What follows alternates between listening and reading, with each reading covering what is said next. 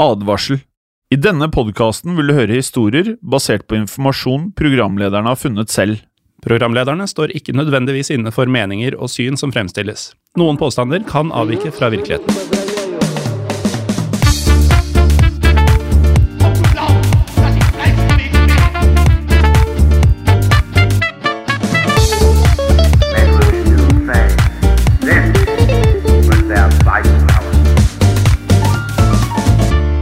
Hei og velkommen til en ny episode av Historiepodden andre verdenskrig. Mitt navn er Morten Galaasen, og ditt navn er Jim Fosheim fremdeles. Ja. Og eh, en liten sånn kuriøs eh, ting i dag, Morten, er jo at eh, hvis du nå hører denne episoden her, som jeg tror blir veldig kul for deg som skal høre, så er det faktisk slik at hvis du nå hører vanlig historiepodden, som er den andre podkasten vi har sammen, mm. Så vil du høre at vi da prater om en helt annen krig, som er Vietnamkrigen. Ja. Er det sånn at vi er eh, veldig opptatt av krig, vi to? Ja, veldig opptatt av krig, og i eh, denne episoden så kommer vi innom annen verdenskrig, som er veldig viktig for Mm. Opptrinnet til Vietnamkrigen. Ja, og vi har jo sagt eh, mange ganger om eh, Altså, dette har skjedd, og det kommer til å skje igjen, at vi sier at eh, historie på den andre verdenskrig handler om tida før, under og etter andre verdenskrig. Eh, og den linken mellom Vietnamkrigen og andre verdenskrig er faktisk så sterk at vi kunne nesten hatt den, andre, nei, den Vietnam-episoden i denne podkasten også. Så spot on er du at vi kanskje burde skrive en sam... Eller mer eh, hva skal jeg si, komprimert episode om eh, Vietnamkrigen, som går raskere over én episode, for den vi kjører i vanlig historiepodden, den går over flere episoder. Mm. Som eh, kanskje er enda mer linka mot det som skjedde i annen verdenskrig, som hadde passa inn her, i tillegg til den vi har laget. Men du har helt rett. Det kan godt skje. Ja, det kan skje. Uansett, vi eh, har en aldri så liten kuriositet til dere her i dag, men som vi nå vet, så slutter vi å si at de er kortere enn vanlige episoder, for noen ganger så sitter vi og skravler uh, som bare det. Ja, vi går off script. Ja, vi går off uh, script, vi altså. Uh, og dette her er noe som da ikke ble kjent for allmennheten før så sent som i 1996. Og det vi da skal snakke om i dag, er en amerikansk gruppe med veldig spesielle soldater som ikke hadde til oppgave å skyte med vanlig våpen, slik du og jeg eh, kjenner våpen, eller å kjøre tanks, men i stedet å gjennomføre det som kanskje var krigens eh, største eller nærmeste en eh, Golden Globe eller Oscar-statuett. Altså den, en av de sterkeste skuespillerprestasjonene som var. Ja, og det betyr jo at eh, den eh, skuespillerprestasjonen vi skal snakke om, den er sterkere enn når Brad Pitt og gutta hans skulle spille italienere på denne Hitler-gallaen i Inglorious Bastards. Ja. De uh, hadde ikke forberedt seg Nei. spesielt godt. På ingen måte. Nei, I dag så skal vi snakke om det som gjerne kalles for Ghost Army. Eh, og dette var da, eh, som du sa, Jim, en gjeng med amerikanske soldater litt utenom det vanlige. Solid navn, eller? Ghost Army, altså spøkelseshæren. Ja, de, eh, de tror jeg ikke ble oppdaga før det var for seint. Eh, og medlemmene av Ghost Army de var eh, faktisk ikke trente soldater eller offiserer. De var rett og slett skuespillere. De kunne også være malere, og de kunne være markedsførere. Av alle ting. For eh, Ghost Army de skulle nemlig ikke gjennomføre militære operasjoner sånn som vi ofte tenker på militære operasjoner. Men i stedet så skulle de lure fienden til å tro at de allierte hadde flere soldater enn de faktisk hadde. Som er ganske smart. Ja, det kan det være. Ja, eh, noen ganger. Eh, Og det offisielle navnet på denne gruppen var jo da ikke Ghost Army, men hør på dette. Ikke like lett å si og like catchy, men The 23rd Headquarters Special Troops. Da foretrekker jeg Ghost Army. Ja, men jeg likte det der også. Bare litt vanskeligere å si. Det ruller ikke like lett av tungen. Og oppgaven til The 23rd Headquarters Special Troops um, var å få det til å virke, som du nevnte, som om de allierte var i ferd med å angripe på forskjellige steder i Europa, samt å virke mektigere enn de kanskje var i noen områder. da. Og For å få til dette så brukte de da en rekke forskjellige teknikker og taktikker, eh, men disse teknikkene eh, får vi se litt mer på litt senere i episoden. Først så må vi snakke litt om hvor ideen til Ghost Army faktisk kom fra. Ja, for eh, det å lure fiendene det var jo et vanlig konsept under den andre verdenskrigen, og det har vi jo tidligere i episoden også snakka om, bl.a. disse falsk flagg-operasjonene til Hitler, der man da konstruerte nettopp et falskt angrep på seg selv, slik at man fikk eh, et insentiv til å angripe fienden. Og amerikanernes inspirasjon for Ghost Army kom likevel ikke først og fremst fra slike operasjoner, men fra britenes oppdrag i Nord-Afrika i 1942. Ja, for i 1942 gjennomførte britene det som ble kalt Operasjon Bertram. Og denne operasjonen gikk ut på å lure de tyske troppene i Nord-Afrika til å tro at et britisk angrep var tett forestående, eh, og skulle da finne sted ved den sørlige grensen til Egypt, mens de i virkeligheten planla å angripe tyskerne på et helt annet sted. Og det er jo ikke rent få operasjoner med lignende opplegg som vi har hatt episoder om både i Historiepodden og Historiepodden andre verdenskrig. Det er helt riktig. Eh, for å få til nettopp dette her, da, så, um, så sendte de annet ut eh, falske radiosignaler, det gir jo mening, eh, der de da ga informasjon om hvor og når angrepet skulle finne sted. Det er det første jeg også hadde tenkt, hvis jeg skulle gjort nettopp dette. Ja, men i tillegg til det du ville tenkt, Jim, så bygde de også falske tanks av det de kunne finne av lokalt materiale, som eksempel treverket fra palmetrær. Så um, disse falske tanksene, laget av treverk fra palmetrær f.eks., satte de så ut rett ved det stedet de tyske troppene oppholdt seg, og det førte til at tyskerne gjorde seg klar til angrep på helt feil sted, mens britene da gjorde seg klare på ordentlig ved det stedet de i virkeligheten skulle angripe. Og dette trikset førte da i det tilfellet til britisk seier i det som kalles slaget ved El Alamein. Ja, Og det er det nok veldig mange som har hørt om, da. Mm. For dette slaget er eh, en vanvittig historie, vil jeg si, i seg selv. eh, Og kommer til å bli kanskje både én og to episoder i eh, historie på den andre verdenskrig. Eh, amerikanerne de fikk nemlig høre om britenes svært vellykkede operasjon i Nord-Afrika, og bestemte seg med det da for at også de ville ta i bruk denne form for taktikker. Problemet for amerikanerne var bare da å finne ut av eh, hvordan man best kunne da lære av det britene hadde gjort. Ja, for eh, selv om den amerikanske hæren var full av erfarne soldater og offiserer, så var det likevel få som hadde mye erfaring med denne typen eh, mer kreativ krigføring. Det var derfor naturlig for amerikanerne å se mot de menneskene som faktisk jobbet med kreative ting i hverdagen, og de kontaktet derfor den amerikanske forleggeren og skribenten Ralph McAllister Ingersoll i mai 1944, altså ganske seint i krigen. Ja, det vil jeg si, og Ingersoll eh, ble med det da hjernen bak amerikanernes Ghost Army. Og Ingersoll han skjønte at denne hæren ikke burde bestå av soldater, men av andre kreative mennesker som visste hvordan man kunne overbevise et publikum. Og han forklarte dette til den amerikanske hæren, og kort tid senere begynte de da å lete etter skuespillere og andre typer kunstnere som du nevnte innledningsvis, som da kunne tenke seg å bli en del av Ghost Army. Så i eh, prosessen med å finne personer til denne hæren, så besøkte det amerikanske militæret en rekke forskjellige kunstskoler rundt omkring i USA. Og på disse skolene så fant de en rekke forskjellige mennesker som var villige til å ta del i denne merkelige hæren som eh, skuespillere, men eh, de skjønte fort at de også ville trenge andre talenter i denne hæren. Ja, og derfor begynte de å søke, ikke bare på kunstskoler, men også på diverse reklamebyråer og også lydstudioer.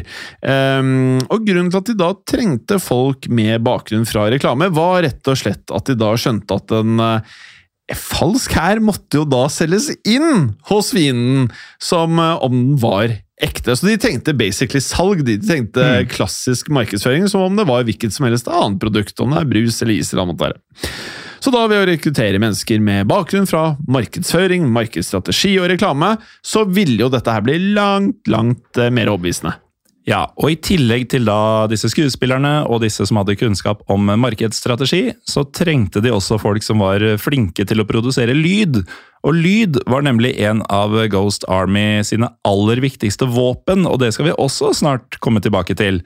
På denne tiden så var det ikke så veldig mange mm, vanlige folk kan man si, i USA som hadde kunnskapen til å ta opp, klippe og konstruere lydbilder. Og personer fra profesjonelle lydstudioer Heim, Hallo. var derfor helt essensielle. Ja, Amerikanerne de brukte ikke veldig lang tid, noen måneder, på mm, nettopp den nevnte rekrutteringsprosessen. Men til slutt så hadde de endelig da klart å skaffe seg flere enn jeg hadde trodd, men nemlig mm, 11 100 personer som da var villige til å bli en del av Ghost Army. Men rekrutteringen var kun den enkleste delen av mm. prosjektet. Eh, for nå som de da hadde de menneskene de ønsket til rådighet, så måtte de begynne å finne ut av hvordan denne hæren rett og slett skulle brukes. Altså hvordan skulle dette fungere? Ja, og dermed begynte jo treninga, og denne falske hæren fikk god hjelp av det britiske militæret, som eh, vi nevnte tidligere hadde erfaring fra nettopp denne typen krigføring. Og fra britene så fikk de bl.a. opplæring i en rekke forskjellige illusjonsteknikker, i tillegg til at de fikk tilgang på utstyr som britene selv hadde brukt da de lurte tyskerne i Nord-Afrika tilbake i 1942, som nå begynner å bli to år siden. Um, og det tok heller ikke lang tid før Ghost Army ble satt på prøve, men det skal vi snakke mer om etter en aldri så liten pause. Velkommen tilbake til historiepodden andre verdenskrig og denne kuriositeten om Ghost Army. Før pause, Jim, så snakka vi om hvordan ideen til en slik falsk hær kom til, og at amerikanerne fikk god hjelp av britene til å trene opp medlemmene av denne nyoppretta hæren i 1944. Ja, og som sagt så tok det ikke lange tiden etter opprettelsen av Ghost Army før de ble satt på prøve for aller, aller første gang. Første gang medlemmer av denne hæren ble brukt, var faktisk eh, rett før eh, en av de største dagene under annen verdenskrig, nemlig D-dagen. Mm. som da var, eh, for de av dere som ikke kjenner godt til den, så var det de alliertes storming av Normandie. Og dette var i 1944. Og det er da åpningsscenen i Saving Private Ryan. Som er obligatorisk titting hvis du er glad i annen verdenskrig. Og hvis du hører på den podkasten og du ikke har sett den, så er det egentlig litt løp å kjøpe, eller? Ja, i hvert fall løp og stream, for den må jo finnes Ja. eh, der man streamer. Ja. Jeg vet ikke helt hvor den ligger, skal jeg helt ærlig. Jeg har ikke sett den på. Netflix. Men et sted finnes den. Ja, et sted finnes den. Hvis ikke så kan du bare kjøre Band of Brothers, som ligger på HBO. Den må du se mange ganger. Ti episoder. I 1944 ble nemlig Ghost Army sendt til Storbritannia for å ta del i britenes operasjon Fortitude. Ja, for det var ingen hemmelighet at de allierte var i ferd med å invadere det tyskkontrollerte Europa, men ingen visste likevel hvor denne invasjonen ville finne sted. Tyskerne prøvde jo desperat å finne ut av dette ved å bl.a. lytte på alle radiofrekvenser i håp om å ta inn etterretning fra de allierte. Og I mai 1944 så fikk de også endelig inn slike signaler. Ja, og signalene de tyske radiooperatørene fikk inn, tydet på at de allierte allerede var i ferd med å reise over den engelske kanalen og gå i land i Frankrike. Tyskerne de sendte ut eh, overvåkningsfly umiddelbart når de fikk rede på dette, eh, for å få et eh, bedre bilde av det de anså som en meget truende situasjon. Og da disse flyene fløy over Storbritannia, ble også deres aller, aller verste mistanke bekreftet. Ja, for langs den britiske kysten så fikk de øye på en rekke forskjellige militære kjøretøy og soldater som var i ferd med å gå om bord på et stort skip. Og dette var rett overfor den franske havnebyen Calais, og tyskerne de konkluderte derfor med at det var der de allierte hadde planer om å invadere. Så da de tyske flyene kom tilbake med denne informasjonen, så ble det derfor sendt en rekke tyske tropper til denne byen, og de gjorde seg klar til å stoppe en eh, invasjon der. Det er riktig, Morten, men uh, tyskerne det var noe de ikke visste, og det var at de på dette tidspunktet hadde da blitt eh, lurt til rundt av Ghost Army. For radiosignalene de tyske radiooperatørene hadde plukket opp, var jo falske signaler konstruert da av lyddesignere og skuespillerne i Ghost Army. I tillegg til dette var også de militære kjøretøyene som de tyske overvåkningsflyene hadde tatt bilde av, selvfølgelig falske. Ja, for denne rekka av eh, tanks som tyskerne hadde lagt merke til langs den britiske kysten, de var, eh, de var ikke laget av eh, palmetrær, faktisk. De var oppblåsbare og laget av gummi. Ja, jeg kan bare nevne at for dere som hører på dette, her, så kan dere liksom tenke hvordan i all verden kan det være mulig å ikke se forskjell på en fake tanks og en ekte tanks. Jeg har sett masse bilder av disse falske tanksene og fly og alt mulig. Det ser helt vanvittig ekte ut.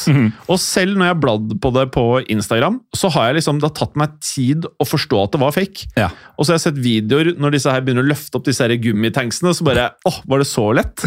Så eh, det er, det, det, de har gjort en meget god jobb. Ja, så fra lufta og med datidens eh, fototeknologi så så det veldig ekte ut. Men i virkeligheten så har da disse tanksene like ufarlige som lekebiler f.eks. Kanskje til og med mer ufarlige, siden de var lagd av gummi og kunne blåses opp. Men på tross av dette så klarte de altså å lure tyskerne til å tro at det var ved Calais at invasjonen skulle finne sted, noe som igjen førte til at tyske tropper ble utplassert i denne byen, mens britene og amerikanerne, som vi vet, i virkeligheten var på vei mot Normandie. Normandie. Og denne falske invasjonen den eh, var jo da å anse som en stor suksess for eh, amerikanerne og for britene. Og etter dette ble Ghost Army et eh, fast innslag i eh, de alliertes eh, krigføring, og også et viktig bidrag. Ehm, for mellom mai 1944 og slutten av krigen, altså 1945, så gjennomførte Ghost Army over 20 lignende falske militæroperasjoner. Ja, og når vi vet at mai 1944 til slutten av krigen i 1945, det er ganske nøyaktig et år mm. 20 ulike av disse operasjonene. Det er nesten to i måneden. Ja, det er ganske så det er mye, ganske altså. hektisk aktivitet. Ja, ja. Og det var ikke store gjengen. altså Vi eh, pratet i sted om 1100 personer. Mm. Så eh, hadde dette kommet tidlig i krigen for amerikanernes del, så kunne det jo blitt eh, en enda mer betydningsfull del av, av operasjonene deres. Mm. Men i hvert fall disse operasjonene vi prater om nå, ble stort sett alt gjennomført rett ved grensene til, eh, til eh, nazistene. Ehm, og medlemmene av Ghost Army det hadde derfor svært eh, må kunne si utfordrende arbeidsforhold. Altså, dette her var ikke for pingler. Selv om de ikke hadde militærbakgrunn, så var dette her farlig arbeid. Nei, og det at de har, altså mangler militær bakgrunn, gjør det jo egentlig enda tøffere. Ja. For det er jo livsfarlige forhold. Hadde tyskerne faktisk angrepet dem, så ville de ikke hatt annet å kjempe med enn ja, fly, tanks og annet militært utstyr laget av gummi. Du vet, vi kunne, Det er lite vi kvalifiserer til i en krig. Mm. Men vi kunne kanskje kvalifisert faktisk eh, til Ghost Army basert på kriteriene deres. Ja, eh, altså vi, vi klarer å snakke inn i en mikrofon. Ja, det klarer vi. Eh, Vi så, kunne laget et falskt podkast-radioprogram ja, Hvis vi ville. Eller? vi, Ja. ja, vi hadde jo klart det. Vi har gjort det før. Og vi, ja, har vi det? Nei, vi har ikke det. det har vi faktisk ikke. Men kanskje kan det skje, kan det skje. en annen gang. Ja. Um, uansett så var heldigvis Ghost Army svært dyktige på det de gjorde, og de ble derfor heller aldri skutt ned av tyske soldater. Og en av denne hærens, altså Ghost Armys, viktigste hjelpemidler var det de selv kalte for atmosfære. Ja, og atmosfære i eh, vanlig forstand, det er, tenker jeg er litt sånn Man kommer hjem til en person, og så føler man at det er en god energi, eller at det er deilig å være på besøk, typ. Ja, eller en sånn atmosfære. Ja, eller at man er på en restaurant, og lyset og bakgrunnsmusikken og alt annet bare harmonerer og skaper en viss atmosfære. Nettopp. Og så har man jo atmosfæren øh, når man ser opp. Ja. Og atmosfæren på en utsolgt eh, konsert eller idrettsarrangement. For eksempel. Det er mye atmosfære man kan snakke om. Ja, mye forskjellig, men uh, i denne forstand så må vi nå sette inn i hva de mente med atmosfære, for dette var jo i stor grad skuespillere, og de visste at man måtte konstruere den riktige atmosfæren hvis man da skulle klare å lure sitt publikum, som i dette tilfellet var eh, nazistene. Eh, Og de jobbet derfor konstant med små detaljer som skulle overbevise nazistene om at de ikke bare var ekte soldater, men at de også var mange flere enn de egentlig var. Ja, og disse detaljene var f.eks. da bruken av ekte, autentiske uniformer fra flere forskjellige allierte land. Og på denne måten fikk de det da til å se ut som om de ikke bare var amerikanske soldater som skulle til å angripe, men også britiske, franske osv. Og for å gi inntrykk av at de var en større hær enn de faktisk var, så kjørte de også bilene sine rundt i ring, sånn at det skulle se ut som en rekke biler hadde vært på veien samtidig. Ja. Og eh, et helt annet hjelpemiddel var, eh, som tidligere nevnt, eh, lyd. Her jeg mener at vi kunne hatt et bidrag. Jeg vet ikke, vi får jo kanskje eh, Det kunne vært interessant at vi prøver å lage en lureepisode. Og så kan vi sjekke om noen klarer å, eh, å spotte oss i løpet av episoden. Hvor vi til slutten liksom kommer frem om det var eh, sant eller ikke. Ja, det kan vi jo prøve på. Det har ikke skjedd. Det har ikke skjedd, og kanskje skjer det aldri heller. Men uh, lydteknikere tok opp denne lyden av uh, ulike militære fly. Og tankser, kjøretøy, alt av eh, militært eh, kjøretøy som kunne lage lyd. Eh, før de da mikset alle disse lydene sammen og spilte dem av på høyttalere, faktisk, mens de beveget seg fremover. Høres jo litt for enkelt ut til å være noe som folk gikk på, men eh, det, det var det de gjorde. Og disse lydene kunne da høres eh, ganske langt unna, Morten. Eh, hele 25 km unna! Det høres jo voldsomt langt ut unna. Ja, så det er jo um, halvveis fra Oslo til Drammen, sånn cirka. Ja, Det, Og det tar jo fort vekk en halvtime, vel? det er veldig lite lyd som reiser uh, over to mil, føler jeg. Ja, det, det høres ekstraordinært ut. Men på denne måten så um, ville det jo da høres ut som det var en, en vanvittig hær eh, som var på vei. Eh, vi har jo da tenkt at eh, det var jo 1100 mann dette her. Må nesten ha føltes som det var 50 000-100 000 mann. Ja, i hvert fall. et- Eh, og kvinner, for den saks skyld. Ja, ja, ja 30-40-50. Altså. Soldater. Mm. Men i hvert fall å lage disse illusjonene ute i fiendtlig terreng var også bare én av oppgavene som Ghost Army hadde på slutten av andre verdenskrig. For um, skuespillerne i denne hæren de var også ofte ute på ulike barer og kafeer og snakka høyt om ulike militære operasjoner, vel vitende om at det fantes tyske spioner på disse stedene. Her kunne vi gjort det stort. Her kunne du gjort det stort. Altså, å snakke høyt på bar og kafé, det har skjedd. Det kan definitivt skje igjen. Og uh, dette var jo også svært effektivt, fordi på denne måten så klarte de å spre en hel del falsk etterretning til disse tyske spionene med de lange ørene på disse kafeene. Vi hadde klart å spre falske ting på pub, vi også. Ja. Ja, det tror jeg. Slik falsk informasjon spredte de også gjennom radiosignaler som var innom, eh, som da ble plukket opp av tysk etterretning. Eh, og flere av skuespillerne i Ghost Army de lærte seg nemlig å etterligne høytstående allierte offiserer, så dette her var egentlig litt sånn som eh, Daniel Day-Lewis opererer, og mange av de som er karakterskuespillere. Mm. Det er litt samme greie, faktisk. Ja, eller øh, sånne som parodierer folk. Ja. Ja, eh, det kunne ikke vi klart, selvfølgelig. Men eh, det var jo viktig for at meldingene som tyskerne plukket opp, skulle føles som ekte og mm, ja, være troverdige, sånn at de faktisk gikk på den strategien som de ønsket at de skulle tro på. Eh, og skuespillerne de lærte seg til og med å etterligne forskjellige morseteknikker. Tut, tut, tut, tut. Da sitter du liksom sånn og lager. Så med andre ord da så lærte seg disse morseteknikkene, som da skulle lure tyskerne. Men det er litt gambling, tenker jeg. fordi det kan jo være at du hører at det er en fyr som sitter. Eller kanskje ikke. Det hørtes jo ganske troverdig ut, det jeg gjorde nå. Vi advarte tidligere om at vi kan gå litt off script, Ja, og dette er definitivt ja. det. Ja. Men eh, jeg tror det er bra, alt der. Mm. Men de, de etterligna da morseteknikkene som uh, offiserene pleide å bruke. Det er det som var poenget her. Um, og alle disse små detaljene var jo helt essensielle for å klare å lure tyskerne, noe de også klarte i stor grad og i mange tilfeller. Og hvor mange menneskeliv som ble spart pga. arbeidet til Ghost Army, det er jo vanskelig å vite. Men man anslår jo at det er snakk om flere titusen, i hvert fall. Altså bare den, eh, den, det lureriet i forkant av D-dagen. Altså, det, Men, men, men eh, flere titusen, det høres magert ut. Jeg hadde tenkt mye mer. jeg.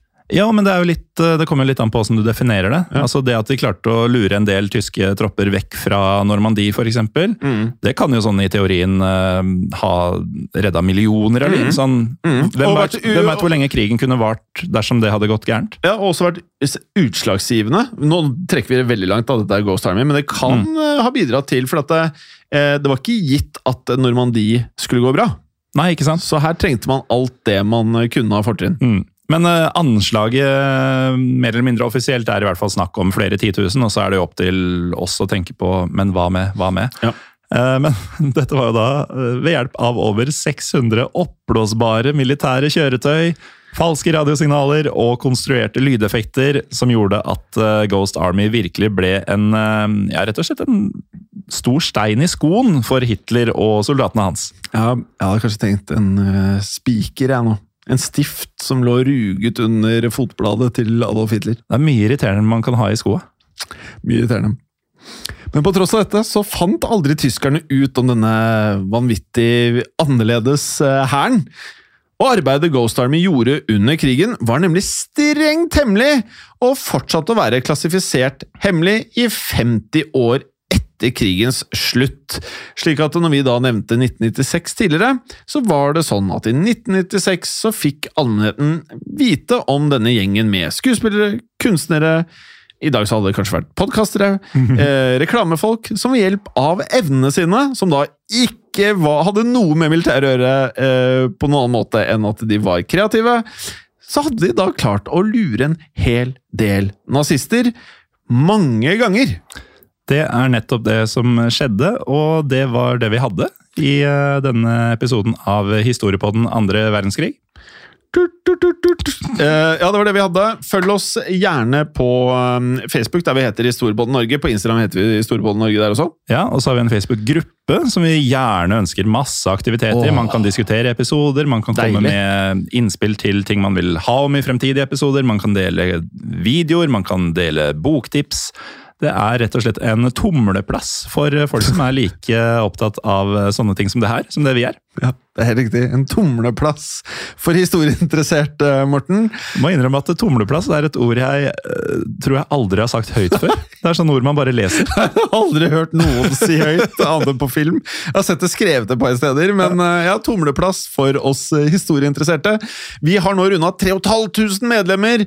Ehm, det er jo ingen grunn til at vi ikke skal bli 4000. Nei, så det er bare å sette i gang. Ja, det er bare å sette i gang. Det er ingen grunn til at dere ikke skal dele mer innhold på Historie for alle. For eh, tidligere så var det jeg som var administrator og godkjente innleggene. Nå er vi to som er administratorer, så det betyr at vi kan godkjenne dobbelt så mange innlegg eh, som eh, før. Men da trenger vi dobbelt så mange innlegg også. eh, og med det, folkens, så husk på at det er en app som heter Podcaster, som kommer med iPhone eh, hvis du har iPhone. Den er lilla. Der inne så kan du på Historiepodden andre verdenskrig, eller vanlig Historiepodden, og så trykker du gjerne stjerner for å rate podkasten. Vi blir superhappy om vi får fem stjerner, for nå er vi på 4,7 i snitt. Vi prøver å bli fem. Ehm, noe mer da, Morten? Ja, nå har vi gått eh, nok off script for denne gang. Men Morten, det har skjedd før. Det kommer til å skje igjen også. Ha det bra. Ha det! I produksjonen av Historiepodden så ønsker vi å takke Håkon Bråten for lyd og musikk. Takk til Felix Hernes for produksjon. Takk til Ellen Froktenestad for tekst og manus. Og takk til deg, Morten Galesen, for programlederrolle. Og takk til deg, Jim Fosheim, for programlederrolle. Moderne media. Kiwi er billigst i VGs matbørs og har vært billigst i fire av de fem siste VGs matbørser. Og nå presser vi prisene på frukt og grønnsaker. På 200 gram broccolini setter vi prisen til 24,90. På 400 gram Cevita blåbær setter vi prisen til 49,90. Og husk, alle Kiwi Pluss-kunder får i tillegg 15% trumfbonus på all fersk frukt og grønt. For det er vi som er prispresserne. Og vi i Kiwi gir oss aldri på pris.